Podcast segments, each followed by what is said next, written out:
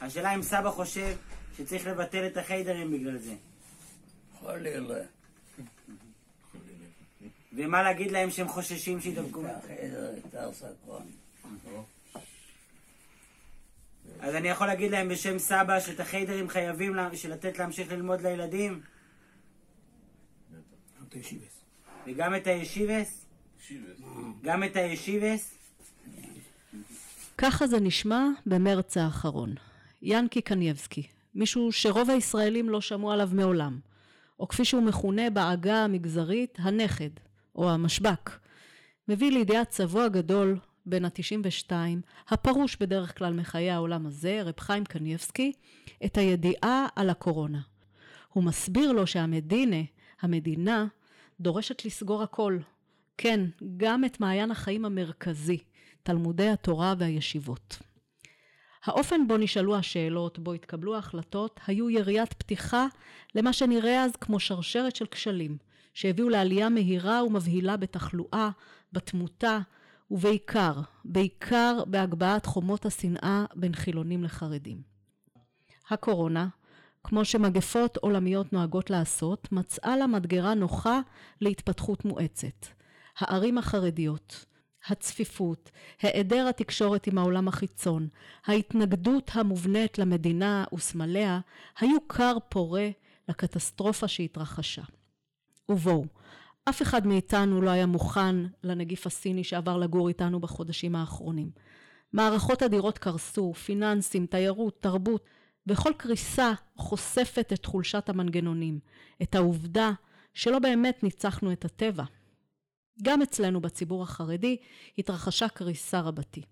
החברה החרדית של 2020 התנהלה מול קוביד-19 תחילה באדישות, אחר כך בבהלה ובאנרכיה, ונכון לעכשיו, נכון לעכשיו בתחושה אולי מדומה של ניצחון. כמו שזה נראה עכשיו, במגזר החרדי חלה רגיעה במדדי התחלואה. יש שיתלו זאת בהיעדר נכונות להיבדק כמו פעם, אחרים יגידו שכל אוכלוסיות הסיכון במגזר כבר נדבקו, החלימו או מתו. דהיינו, הציבור החרדי שילם במהירות ובמזומן את חובו לקורונה וכעת אפשר להירגע. אבל האמת היא שהנגיף המתעתע הזה יכול להפתיע ולהשתלט שוב על העקומות. לא ברור כרגע האם החברה החרדית הביסה את קוביד-19, או שחלילה יש לו תוכניות אחרות, אבל אותנו מעניינות שאלות אחרות. מגפת הקורונה הצליחה להאיץ תהליכים חברתיים, להעצים כשלים ולהאיר פינות שכוחות שלאיש לא היה אכפת מהם. הקורונה חשפה את עומק השבר בין המדינה לעולם החרדי, את היעדר האמון החרדי ברשויות ואת השסע הבין-מגזרי. השסע הדתי שקרע את המערכת הפוליטית והוביל לשלוש מערכות בחירות חודשים ספורים קודם, הלך והעמיק עם כל יום של סגר. התחילו להגיע עדויות של חרדים וחרדיות על אכיפה בררנית נגדם, על התנכלויות שחוו במרחב הציבורי, מבטים עוינים, ומצד שני, אי אפשר היה להתעלם מההפקרות, מחוסר השליטה הפנים-מגזרי, ממשבר ההנהגה. הקורונה, גם אם תתאזרח אצלנו עוד זמן רב, תיעלם בסופו של דבר. אבל את חומות הניכור והשנאה נתקשה מאוד להפיל. אצלנו פנימה בתוך הקהילה החרדית הועצמו השאלות. האם כל ההישגים לשילוב ולישראליזציה חרדית ירדו לטמיון בחסות השנאה המתגברת? האם זה לגיטימי שכל תת קבוצה רשאית לקחת על עצמה דיני נפשות של אחרים בדרכה לפיתוח חיסון העדר? האם פתיחת מוסדות החינוך החרדים כשכולם עדיין סגורים בבתים ומטפסים על הקירות הייתה הכרחית? חרדית מדוברת. אסתי שושן בפודקאסט על חרדיות ישראלית מתחדשת. כדי להבין את השתלשלות האירועים שהביאו למצב, את יחסי הכוחות ואת הסיבות לאיבוד השליטה, הבאתי לאולפן מומחה לחברה החרדית, אלי אדלר. אלי יליד תל אביב, בוגר ישיבת חברון ירושלים, טנקיסט במיל, מרצה ומוביל סיורים לימודיים על החברה החרדית, עוסק שנים רבות בתחומי ההידברות בין חילונים לחרדים, בשילוב חרדים בחיי המדינה. אלי מעיד על עצמו שהוא דובר חרדית וישראלית ברמת שפת אם. שזו כבר סיבה טובה לארח אותו אצלנו בחרדית מדוברת. שלום אלי. שלום וברכה לך ולמאזינים. רק כדי שהמאזינים שלנו יכירו אותך קצת, בוא תספר לנו מי אתה, מה הרקע שלך, ומאיפה הגעת אלינו, אלי. אז אה, כמו שכבר אה, פתחת, בשנים האחרונות אני עוסק בעיקר בהרצאות על העולם החרדי לקבוצות מהאוכלוסייה הכללית, אם אפשר לקרוא לזה הנגשה רב-תרבותית. זה אומר קבוצות, אה, יחידות מהצבא ומהמשטרה, קבוצות מהאוניברסיטה, מהפקולטות השונות, אקדמיה, משרדי ממשלה, חברות שונות וכולי. למה חשוב להביא את הסיפור החרדי לעולם? בתור אדם שגדל בתל אביב, עם חרדים ועם חילונים, כלומר כל חיי היו גם וגם. זה לא היה אף פעם רק חרדי או רק ישראלי, נגדיר את זה כך. וכשראיתי מול העיניים, אה, החל מלפני 30 שנה בערך, אולי אפילו קצת יותר, אמצע שנות ה-80, את השסע ואת הפילוג שמתחיל להתרקם בין החברה החרדית לחברה הישראלית.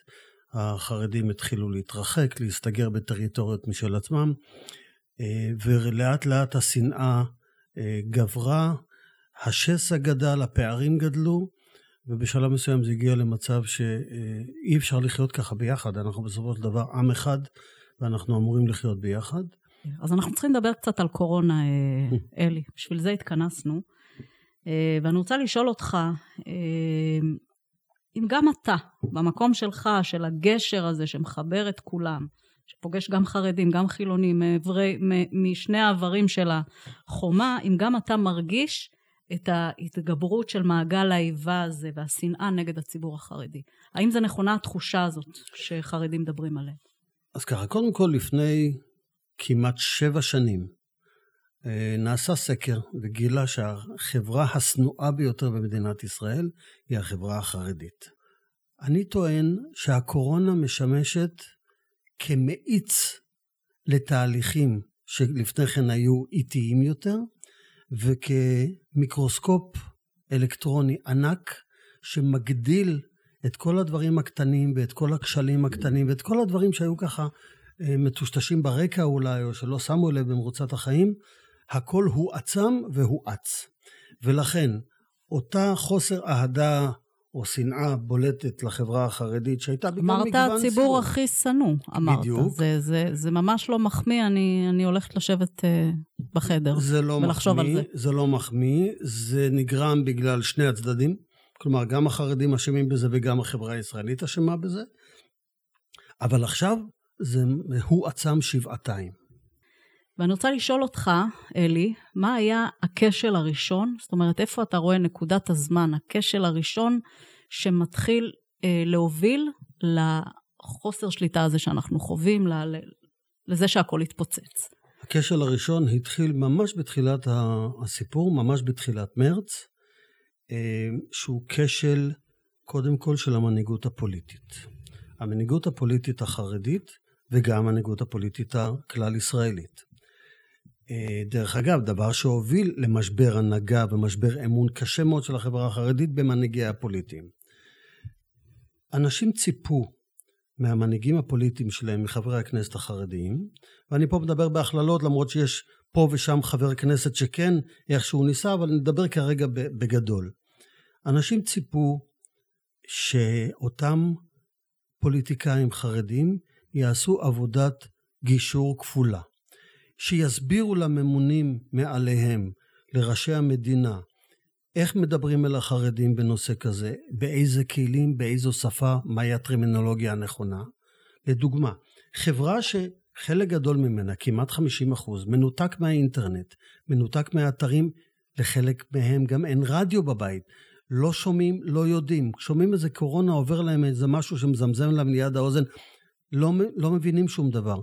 אף אחד לא טרח להסביר להם. אז קודם כל להסביר לקובעי המדיניות שצריך לדבר עם החברה החרדית אחרת לגמרי. הם לא יודעים את זה? כל כך הרבה שנים של ניסיונות גישור ו- ו- ותיקון החברה לא. החרדית. איך הם לא יודעים לא. את זה? ואני תכף אתן לך דוגמה. איך משרד הבריאות שבראשו יושב ליצמן לא יודע שצריך לדבר? זאת הייתה... למה אני צריכה איזה מישהו שיבוא ויסביר את זה לליצמן ול- ולחברים מאוד- שם? זאת הייתה שאלה מאוד מאוד קשה שנשאלה כבר אז. אם ליצמן, אתה שר הבריאות ואתה חרדי, איך זה שאתה לא עושה את ההנגשה הדו-סטרית הזאת? כי אני דיברתי עכשיו על ההנגשה כלפי מעלה.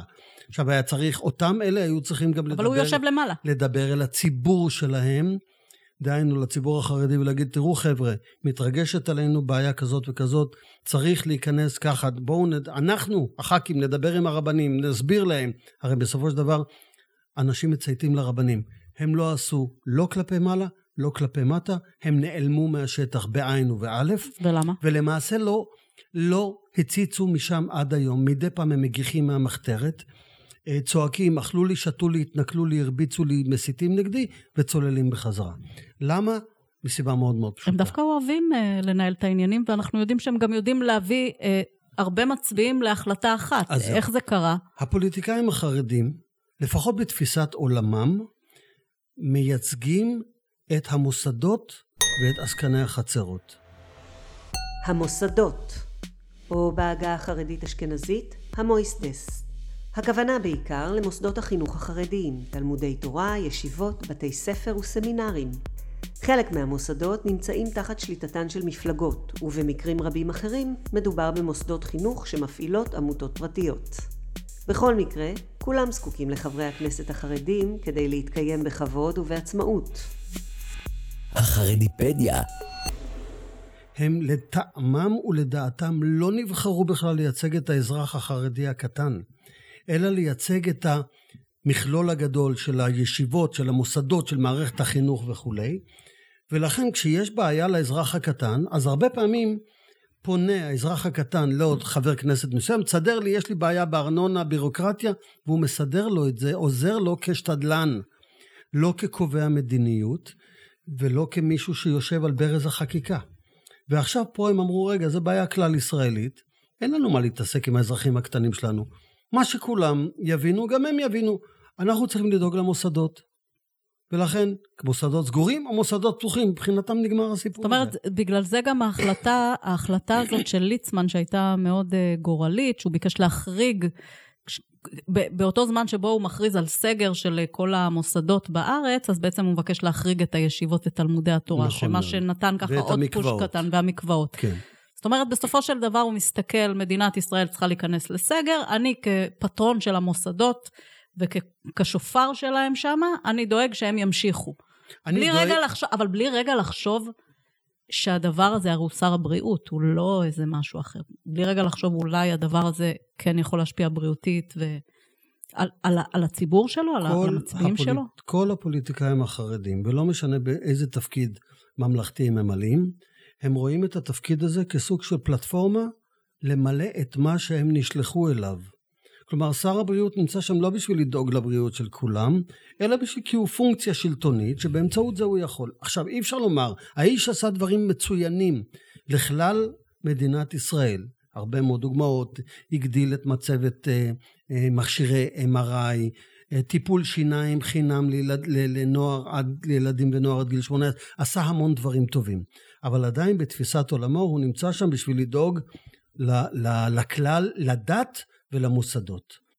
קשה להבין את זה. על כל פנים הם כשלו כישלון חרוץ בתיווך בין החברה החרדית לקובעי המדיניות ובין קובעי המדיניות לחברה החרדית. שם נוצר השבר הגדול. אנשים לא הבינו מה רוצים מהחיים שלהם. אז אנשים נוהגים להסתכל על החברה החרדית כמקשה אחת.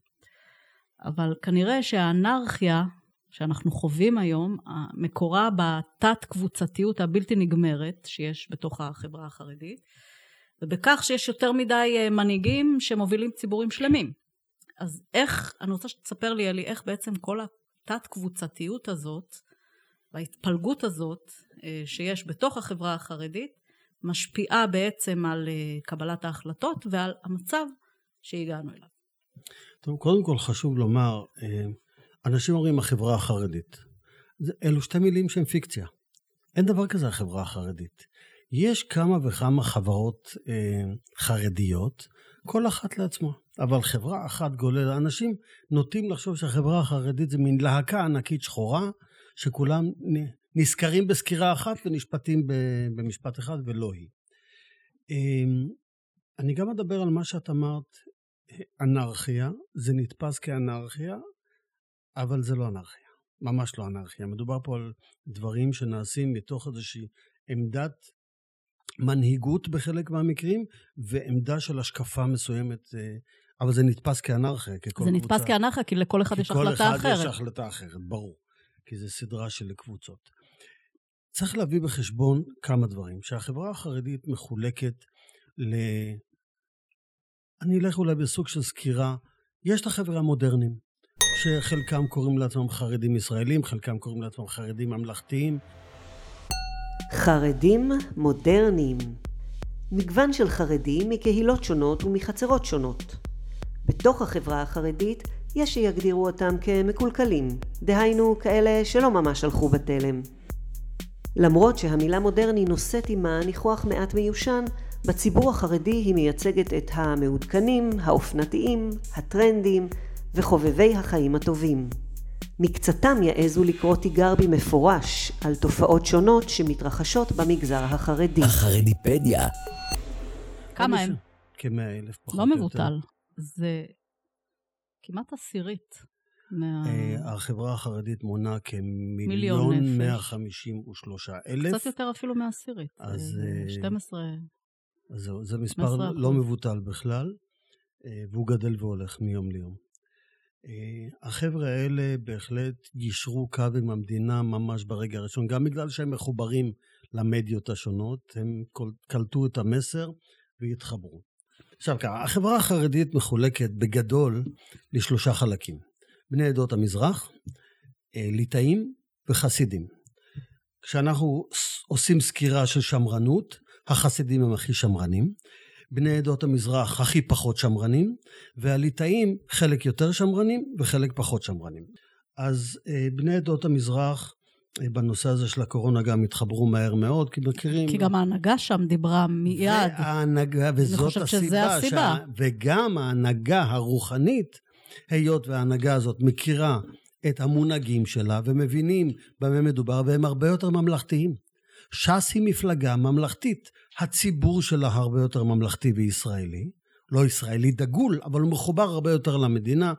אה, עברית, חלק גדול מהם שירתו בצבא, רובם עובדים, יש להם קרובי משפחה חילונים או מהציונות הדתית, הם הרבה יותר מעורים ולכן הם התחברו מהר מאוד, וגם ההנהגה שלהם נתנה הוראות להקפיד בצורה אבסולוטית על כל ההנחיות של משרד הבריאות והגופים הממונים. ההנהגה הרבנית, זאת אומרת הרב דוד יוסף, הרב שלום כהן. הרב שלום כהן והרב דוד יוסף והרב שלום בענני, כלומר כל מועצת חכמי התורה נתנה הוראות חד משמעיות לציית ולסגור. הרב דוד יוסף הופיע בסרטון שהוא פונה לתלמידי כן, הכולל שלו, עכשיו תלכו הביתה, סוגרים, סוגרים הכל. זה סוג של מסר של אדם שמבין שהוא ממלכתי וממלא פונקציה, הוא חלק מהממלכה.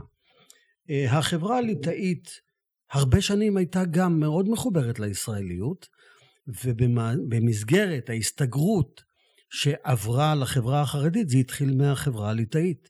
הרב שך, שהגיע להנהגה בשנת 78, הוא זה שהתחיל להוביל בהתחלה את החברה הליטאית להסתגרות, ובעקבותיה אה, גם החברות האחרות, כי היא הפכה בלשונו של דוקטור חיים זיקרמן לקטר אידיאולוגי שמשך את החברה החרדית כולו אה, אחריו. אצל החברה הליטאית החלק היותר מודרני הוא ממלכתי והוא מחובר, החלק השמרני הוא שמרני אמנם, אבל ילד טוב, לא מרדן, ותמיד חונך שצריך לעשות מה שצריך, לא, לא מנהלים עימותים עם המדינה. חייבים לומר פה שיש כוכבית, והכוכבית פה זה הפלג הירושלמי. הפלג הירושלמי זו קבוצה שמונה כ-30-40 אלף בוגרים, לפחות בבחירות המוניציפליות האחרונות האלה הם 30 אלף קולות. הם לא באים לידי ביטוי בכנסת, זאת אומרת, הם... בקנ... הם לא מצביעים בבחירות. הם לא מצביעים בכלל, זאת אומרת... בג... בגלל מחלוקת פנים-ליטאית בשנת 2012-2013, הם אה, למעשה נבעטו החוצה מהמיינסטרים הליטאי האברכי, והקימו אה, לעצמם מוסדות חינוך, וכדי להתבדל ממש, הם גם שינו את השקפת עולמם, שהייתה ליטאית רגילה, מצביעים בבחירות והכול, לקיצוניות אנטי-ציונית, דוגמת סאטמר. הם באמת גם חברו אליהם, גם פיננסית וגם אה, אידיאולוגית וגם טרימינולוגית. אימצו את השפה שלהם. כל ההפגנות של הפלג הירושלמי, זעקת הגוואלד הידועה, שהייתה תמיד ידועה אצל בני היישוב הישן מירושלים, חלחלה גם אליהם. הקבוצה הזאת והקבוצות האנטי-ציוניות האחרות, סאטמר, נטו, רקרטה, תולדות אהרון וכולי, מבחינתם לא משתפים פעולה עם המדינה בשום דבר. התחילו לומר, המדינה משתמשת בקורונה כדי להתנכל לחיי הדת, לכן אנחנו עכשיו במעמד של החשמונאים שנלחמים נגד היוונים על חיי הדת. עכשיו, לא מדובר בטיפשים שחושבים שהמדינה המציאה נגיף וקרא לו קורונה. הם הבינו שיש פה משהו, אבל אמרו, את המשהו הזה אפשר לפתור, או לפחות להתנהל מולו בצורות אחרות. המדינה מנצלת אותו כדי להתנכל לנו מבחינה דתית. ולכן הם המשיכו להתפלל בבתי כנסת, ולכן המשיכו בישיבות ובחיידרים שלהם, בתלמודי התורה שלהם, נקרא חיידר, ופה קרה דבר מעניין.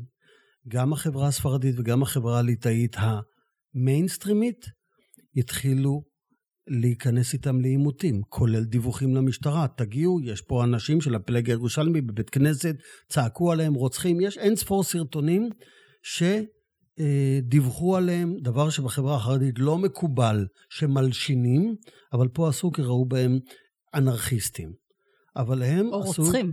או רוצחים, קראו להם רוצחים והכול, אבל מבחינתם הם לא היו אנרכיסטים. הם אמרו, אנחנו נלחמים פה על הדת, כמו בימי אנטיוכוס וכמו בימי פרעה וכמו בימי גזרות שהיו לאורך כל ההיסטוריה של העם היהודי. באותה תקופה, גם הקבוצות של היישוב הישן בירושלים גם המשיכו להתנהל רגיל, כן, אותם קנאים אנטי-ציונים, ואז התחיל לצוץ שחסידויות פה ושם, בהתחלה זה היה בשושו, ככה לא הכריזו על זה בקול רעש גדול, די מצפצפות, אבל מצפצפות בשקט. בלז ממשיך פה טיש, שם אבל במינון קטן. ואנשים ככה זקפו עין ואוזן מה, מה הולך שם.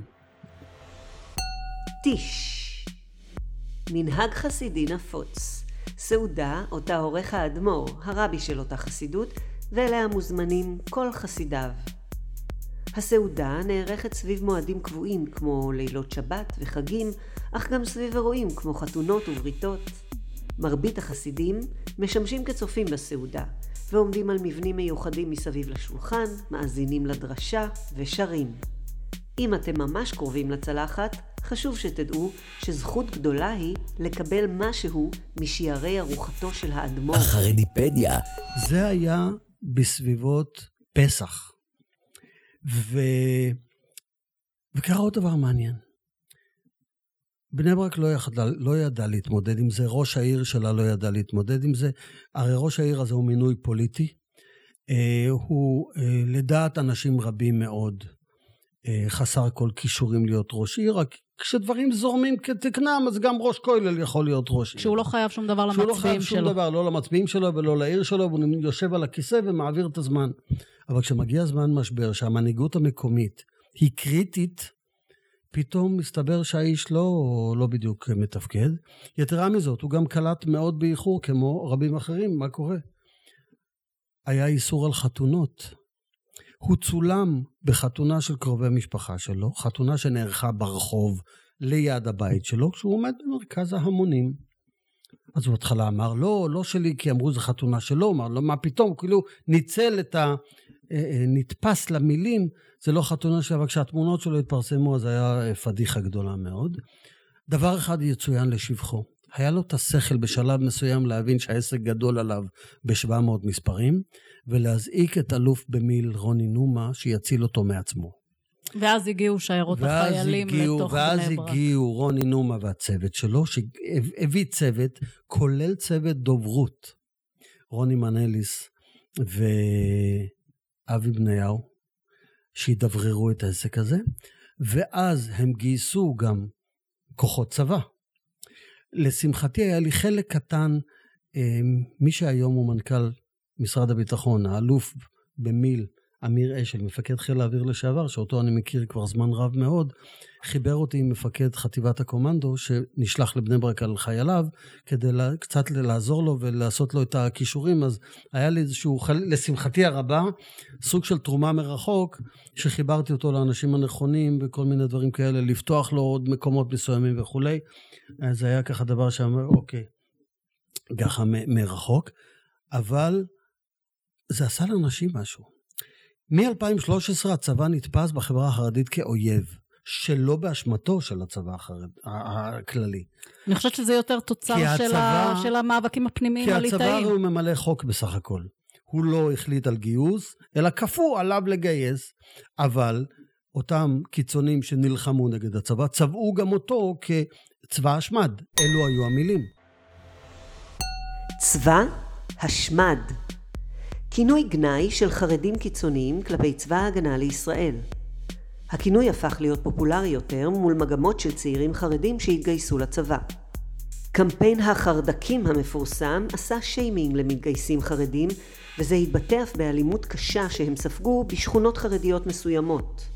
התפיסה היא שהתגייסות לצבא בהכרח גורמת לירידה בשמירת תורה ומצוות, ועל כן יש להיאבק במגמה זו בכל מחיר.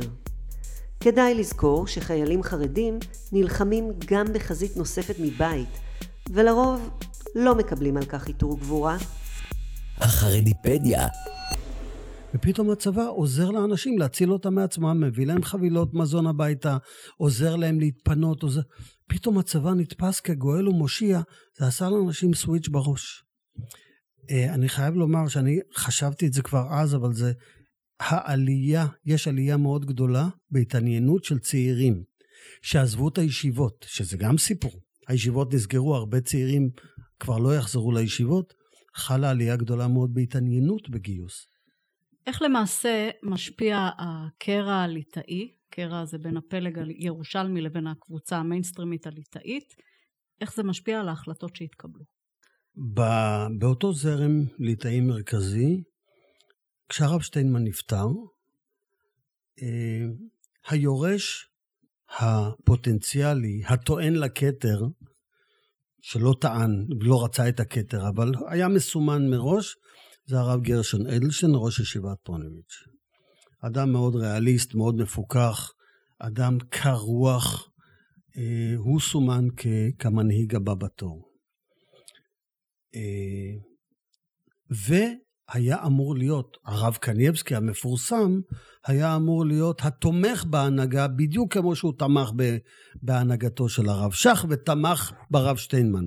כלומר, הוא בעמדת הקדוש, הפרוש, המלאך, הצדיק, המיסטיקן, כמו שקורא לזה אה, דוקטור אה, אבישי בן חיים, המיסטיקן, הוא לא מיסטיקן, ממש לא, אבל הקדוש, הפרוש והצדיק, הוא תמך מבחוץ במנהיגות של האנשים הללו. של הרב אה, שך, של הרב אלישיב שהוא חותנו, ושל הרב שטיינמן. אז היה מצופה שגם פה הוא יתמוך מבחוץ ויגבה אותו מתוך עמדת הצדיק. ומה קרה שהוא הקדוש. תפס את עמדת ההנהגה ולא הרב אדלשטיין? אז הוא לא תפס שום דבר. לאיש הזה יש עניין אחד בלבד בחייו, לשבת ללמוד תורה בלי להרים את הראש מהספר. אבל החבורה שסובבת אותו, שבראשם מי שמוגדר נכד הדור, שזה הנכד שלו, הם אלה שהבינו שיש פה נכס מניב, ואפשר לעשות עליו וואחד קופה. אז הם דחפו אותו לעמדת ההנהגה באמצעים מאוד מאוד פשוטים. יחצנות בתשלום לכאלה שמתיימרים להיקרא עיתונאים חרדים ולכל מיני יחצנים צייצנים. מה שהכתיר אותו זו כתבה שנעשתה בעיתון משפחה, על ידי שני עיתונאים, שמעון ברייטקופ ויוסי אליטוב, שכתבו כתבת פרופיל על הרב קניאבסקי, וזה מעניין, הכתבה הזאת פורסמה בעיתון שהמיינסטרים וההנהגה החרדית נלחמה בו במשך שנים כי הוא עיתון יותר מדי פתוח ולא מבוקר ולא נתון ל, ל, ל, לציות ולהוראות. שם הם כתבו את הכתבה הזאת שהוא הואיל ברוב טובו לקחת על כתפיו את ההנהגה וזה הפך את ה... בבת אחת, במחי כתבה אחת, הפכה, הוא הפך להיות המנהיג, שלא בטובתו ובעל כורחו. ומי שהוביל את כל העסק, כמו שאמרתי, זו אותה חבורה של הבן שלו אה, ושל הנכד. במחי אותה כתבה אה, הוכתר הרב אה, קנייבסקי למנהיג. עכשיו צריך להביא בחשבון שמדובר באמת באדם שמנותק מהעולם, ותמיד שבחו היה, כך אנשים שרצו, אנשים חרדים שרצו לספר את גדלותו, סיפרו עד כמה הוא מנותק מהעולם, שהוא לא, לא מכיר ולא יודע, כי הוא כל שזה הזמן... שזה בסדר כשהוא צדיק, אבל בדיוק. כשהוא מנהיג אבל ומוביל כשהוא- החלטות, בדיוק. זה עכשיו, כבר אה, נכון מאוד. אתה לא יכול. להיות מנהיג כשאתה לא מחובר אה, באמת למה שקורה. מה שקרה שהרב אדלשטיין, שהוא אדם שלא מוכן להיכנס לעימודים, לקח כמה צעדים אחורה. אמר, אוקיי, בסדר, הוא המנהיג, הוא המנהיג, אני לא הולך לעשות פה עכשיו, אה, לחולל, אה, ליצור קרע גלוי, ולכן הוא לקח כמה צעדים אחורה. ואצלו אין חצר שחשבה? יש לו, והוא עצר. אותם. זאת אומרת, יש לו. זה, זה, זה מנהיג מתפקד.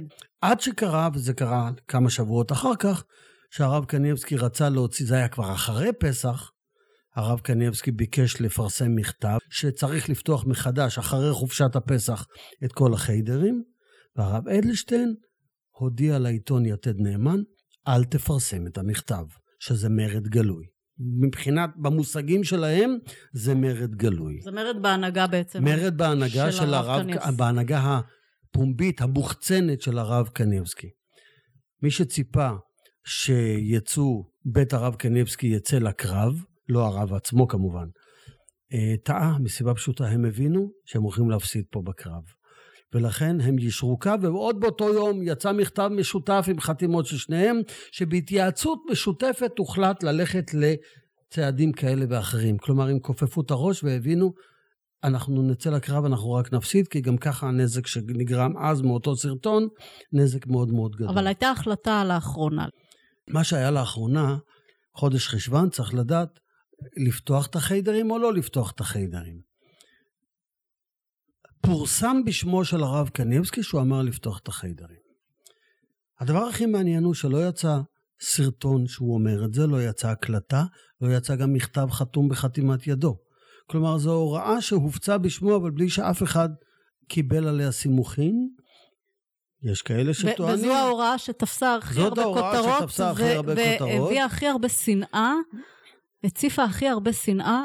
אה, לא הכי הרבה, החרדי. גם בלז, גם בלז עוד קודם לכן, בחתונה ההמונית שלהם, ואחר כך עוד חתונות של עוד חסידויות. אבל זה פתח מהדורות, ההחלטה הזאת של הרב נכון, קניבסקי. כי הרב כאילו. קניבסקי נתפס בציבור הכללי כמנהיג של כל החברה החרדית. בניגוד לרבי מבלז או הרבי מוויז'דיץ, שכולם מבינים שהם מנהיגים של הקהילה שלהם בלבד, הרב קניבסקי, בגלל מעמדו כגדול תורה, נתפס כמנהיג של כולם. כלומר, גם הספרדים אה, אה, מצייתים או קוראים אוזן לשמוע מה הוא יאמר. אז אני אומר, קודם כל, אה, אין שום הוכחה שהוא נתן באמת הוראה כזאת. יש כאלה אומרים שהם שאל אותו מנהל חיידר מסוים והוא אמר לא והוא הפיץ את זה בתור הוראה גורפת וכללית. שהגיע הפעם מהמיינסטרים. זה הפעם לא הפלג, זה לא לא... הפלג וגם לא חסידות בודדת, אלא המנהיג המרכזי כאילו קורא למרד במין סוג של צפצוף. דרך אגב, גם אם נניח לרגע שהוא כן אמר את מה שמיוחס לו, האם הוא אמר תפתחו את החיידרים ותלמדו כרגיל? הוא אמר צריך לחזור ללמוד תורה. תלמדו עם מסכות, תלמדו עם רווחים, תלמדו בחנייה מתחת להצללות, תלמדו במשמרות, תפצלו כיתות. הוא לא נתן הוראות טכניות. הוא דיבר על קביעת מדיניות, בהנחה בכלל שהוא אמר. קביעת המדיניות היא חוסר או אי לימוד תורה מסוכן יותר מאשר אה, לשבת בבית ולא ללמוד תורה ולהסתגר. כי צריך להבין, מבחינת הרב קניבסקי, אותה אמירה במסכת סוטה, תורה מגנה ומצלה, התורה מגינה ומצילה, היא מבחינתו אמת אבסולוטית. מי שלומד תורה מוגן ומוצל. פשוט עובדה, מאוד. הוא הבריא מקורונה. כן. זה היום שמענו. מקורונה. עכשיו, יש גם ניסיון. במלחמת המפרץ הוא אמר שלא יפלו טילים על בני ברק ולא צריך להיכנס ללחץ, וזה מה שקרה. אז כלומר, מבחינתו, כוח התורה הוא מגן ומציל פשוטו כמשמעו. אפשר לקבל את זה, אפשר לא לקבל את זה, אבל צריך להבין את הרציונל שלו. מבחינתו, אה, לא ללמוד תורה זו סכנה גדולה יותר מאשר ללמוד תורה.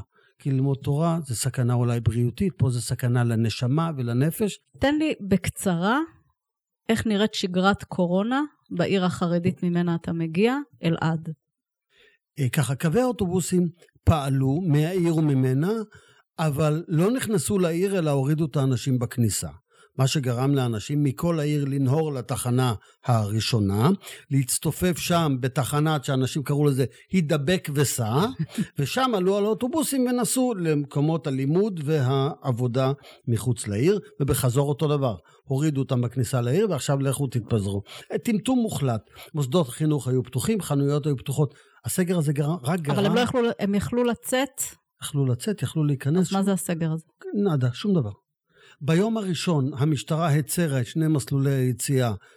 כלומר ככה, יש שתי כניסות לעיר, שתי כניסות, שתי יציאות, אחת סגרו, ובשנייה, משני המסלולים הצרו לאחד, זה רק גרם פקקים אדירים. אבל בסופו של דבר כולם יצאו החוצה. ומי שלא יצא ברגעים הראשונים, כי עמד צוות תקשורת, אז השוטרים נהיו קשוחים, כשצוות התקשורת הסתלק, פתחו והכל.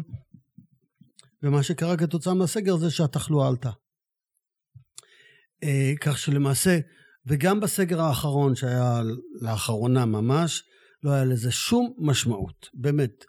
יש חנויות פה ושם שסגורות, אז חיי המסחר אה, פחות, אה, פחות פעילים.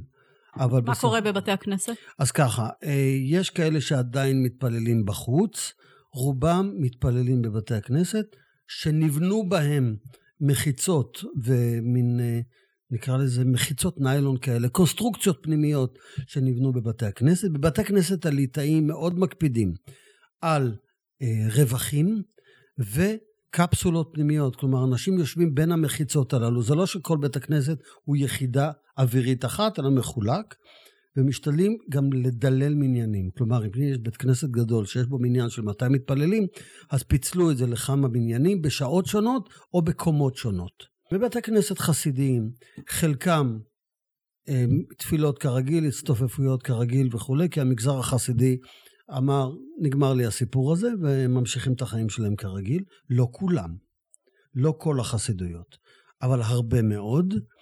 אה, אבל המגזר המזרחי והליטאי, כמו שאמרתי, מקפידים. לסיום, אני רוצה לשאול אותך, אלי, יום אחרי שנתעורר מהסיוט הזה של הקורונה, איך ייראה הציבור החרדי? מה ישתנה בו, אם בכלל? בואי נאמר כך, הממסד טוען שלא יהיה שום שינוי. מי זה הממסד? הממסד זה הפוליטיקאים והעסקנים הממסדיים, אלה שמנסים להמשיך לשלוט בציבור, טוענים שלא יהיה שום שינוי והכול. זה רק דמיונות של אלה שרוצים לפתוח את הציבור החרדי ולשלב אותו בחיי המדינה. אבל אני חושב שהמציאות מדברת אחרת לגמרי, ויהיו כמה שינויים עיקריים. הדבר הראשון, האינטרנט נכנס לחיי החברה החרדית ביג טיים. אני אתן רק כדוגמה, יש לי סקר שנעשה בסביבות אפריל-מאי, שמדבר על אחוזי התחברות של משפחות חדשות שמעולם לא היה להם אינטרנט לאינטרנט. באלעד, 600 אחוז גידול. וואו. ביתר, אינטרנט שם. מסונן. אבל אינטרנט, לא משנה. ומיד אני אסביר למה זה לא משנה. ביתר, 900 אחוז. בני ברק, 250 אחוז. בית שמש, שחלק גדול ממנה זה חבר'ה מודרניים, רק, רק במרכאות 150 אחוז. זה גידול מטורף. עכשיו, בדיוק כמו שבמלחמת המפרץ נכנסו לבתים רבים מכשירי הרדיו ולא יצאו משם, אינטרנט שנכנס. אינטרנט משוחרר לא יוחזר. ברור שמשפחה שיש לה אינטרנט לא תשחרר אותו. חלק גדול מהאנשים התחילו לעבוד בבית, אז חיברו אותם לאינטרנט גם בשביל זה. הם לא יעזבו את זה. עכשיו נכון, האינטרנט יהיה מסונן, אבל לא זה העניין. הרי אין עניין לאף אדם להכניס תכנים אה, שהנפש היפה סולדת מהם. אבל אינטרנט מסונן זה הרבה יותר מזה, אתה יודע. אינטרנט מסונן זה עדיין אינטרנט. אתה יכול להתחבר בזום. אתה יכול להיכנס בזום, לבנק. אתה ו... יכול להיכנס לבנק, אתה, אתה עובד... אתה לא יכול לקרוא כותרות עדיין ב... ב... אתה יכול לקרוא כותרות. יש אתרים שאתה כן יכול להיכנס אליהם ולקרוא כותרות. כלומר, זה בהכרח גורם לך לשמוע דעות אחרות, ולקרוא דברים אחרים ולהבין שהעולם גדול ולא הביצה הקטנה או הביצה הקטנה שלך. דבר שני, הרבה ישיבות שהיו סגורות תקופה ארוכה, נפתחו אחר כך במתכונת של קפסולות, לא משנה אם הקפסולות הצליחו או לא. אבל הקפסולות הללו לא הכילו את כל בחורי הישיבות. בחורים רבים מאוד נשארו בבית. נשארו בבית זה אומר שוטטו ברחובות, זה אומר בזבזו את זמנם. חלק גדול מהם קנה סמארטפונים והתחיל להתחבר גם לאינטרנט, או גם, גם אם נניח שלא התחברו לאינטרנט. הם פתאום חיים מחוץ לאותה תיבת נוח, שזאת ההגדרה החרדית לישיבות כמצילות מפני המבול, פתאום החבר'ה האלה משוטטים במבול ונרטבים עד לשד עצמותיהם. הם לא יחזרו. ניסו למצוא להם כל מיני פתרונות מקומיים, בואו נעשה כמו ישיבה, ישיבת בין הזמנים, שזו ישיבה וולונטרית. אתה רוצה, תבוא ללמוד, אתה תקבל איזשהו, תקבל צ'ופרים. אצל חלק קטן זה עבד, אצל חלק גדול זה לא עבד. הרבה מאוד חבר'ה כאלה פתאום התחילו לבזול החוצה, לאקדמיה ולצבא. אני מניחה אבל שיהיו כאלה שיבינו שצריך להגביה את החומות דווקא, כי שונאים אותנו, כי, כי, כי מה קרה, חלק עושים את זה דרך אגב ו... בכוונה. אחת המטרות של ה... אה, אותם קיצונים, שהם הבינו שזה גורם לשנאה, אמרו יאללה, קרחנה. זה רק משרת את המטרות שלנו, הגבהת החומות. אנחנו רוצים שהחברה החילונית תשנא אותנו. ככל ששונאים אותנו יותר, אז יש לנו סיבה להסתגר עוד יותר. בדיוק. יבוא אדם חרדי לעבוד במקום עבודה חילוני, לא יקבלו אותו, איזה יופי, חגיגות. אבל בוא נהיה עם uh, תחזית אופטימית כלשהי. מה, מה אתה חושב, אופטימיות? איך, איך התחזית האופטימית שלך? אני חושב שהחברה החרדית זה נותן לה הזדמנות לחישוב מסלול מחדש. והחישוב מסלול מחדש אומר ככה, הרבה שנים אותה הסתגרות שהיא הסתגרות נפשית, רוחנית, גשמית, הייתה אולי טובה לשעתה. דברים השתנו, ואני חושב שצריך לשנות גם דברים בגישה לעולם ולחיים. גם מי שלא רוצה השתלבות ולא רוצה להיות ישראלי, לגיטימי לגמרי, אבל עדיין הוא צריך להתמודד עם תקופות אחרות, עם אתגרים אחרים. ואף אחד לא עשה את ההתאמות, כי החברה החרדית חברה מאוד שמרנית, ואם הרב שך אמר לפני 40 שנה שככה, זה ירוץ עד סוף החיים. הקורונה שמה ברקס לכל הסיפור הזה, ויכול להיות, ואני מקווה, שיהיה פה איזשהו חישוב מסלול מחדש לגבי כמה דברים, גם אם לא לגבי הכל, אבל כמה דברים ברור לי שהשתנו, אין ספק בזה בכלל. אז אנחנו נסיים בנימה האופטימית הזאת, ואני רק רוצה לומר שאתה אה, שמת פה מושג מאוד מאוד יפה של החברות החרדיות, שבעצם כך נכון להסתכל על החברה החרדית, לא כמקשה אחת, אלא כחברות אה, חרדיות. אם אנחנו מדברים על חישוב מסלול מחדש, אז אני מניחה שכל חברה חרדית, כל קבוצה חרדית תחשב מסלול אה, באופן שבו היא תרצה לחשב. לא רק זה, לכל אחת מהחברות החרדיות יש אורך מסלול אחר נכון. לנווט בו, ופיתולים אחרים. וזה אומר שהולך להיות מעניין. אלי אדלר, פקחת את עינינו, ואני מקווה שגם את עיני המאזינים של הפודקאסט שלנו. אני רוצה להודות לך שהזמנת אותי להשתתף בפרויקט שהגעת. המדהים הזה. תודה שהגעת, אה, אלי. לכבוד גדול הוא לי. תודה. תודה רבה. אה, הסברת לנו כל כך יפה, ובאמת תענוג לשמוע אותך. תודה רבה. עד כאן חרדית מדוברת. אסתי שושן בפודקאסט על חרדיות ישראלית מתחדשת. עורכת מירנה קציר, תחקיר אפרת ג'הסי, מפיק עמרי קפלן, תודה מיוחדת לברית יעקבי.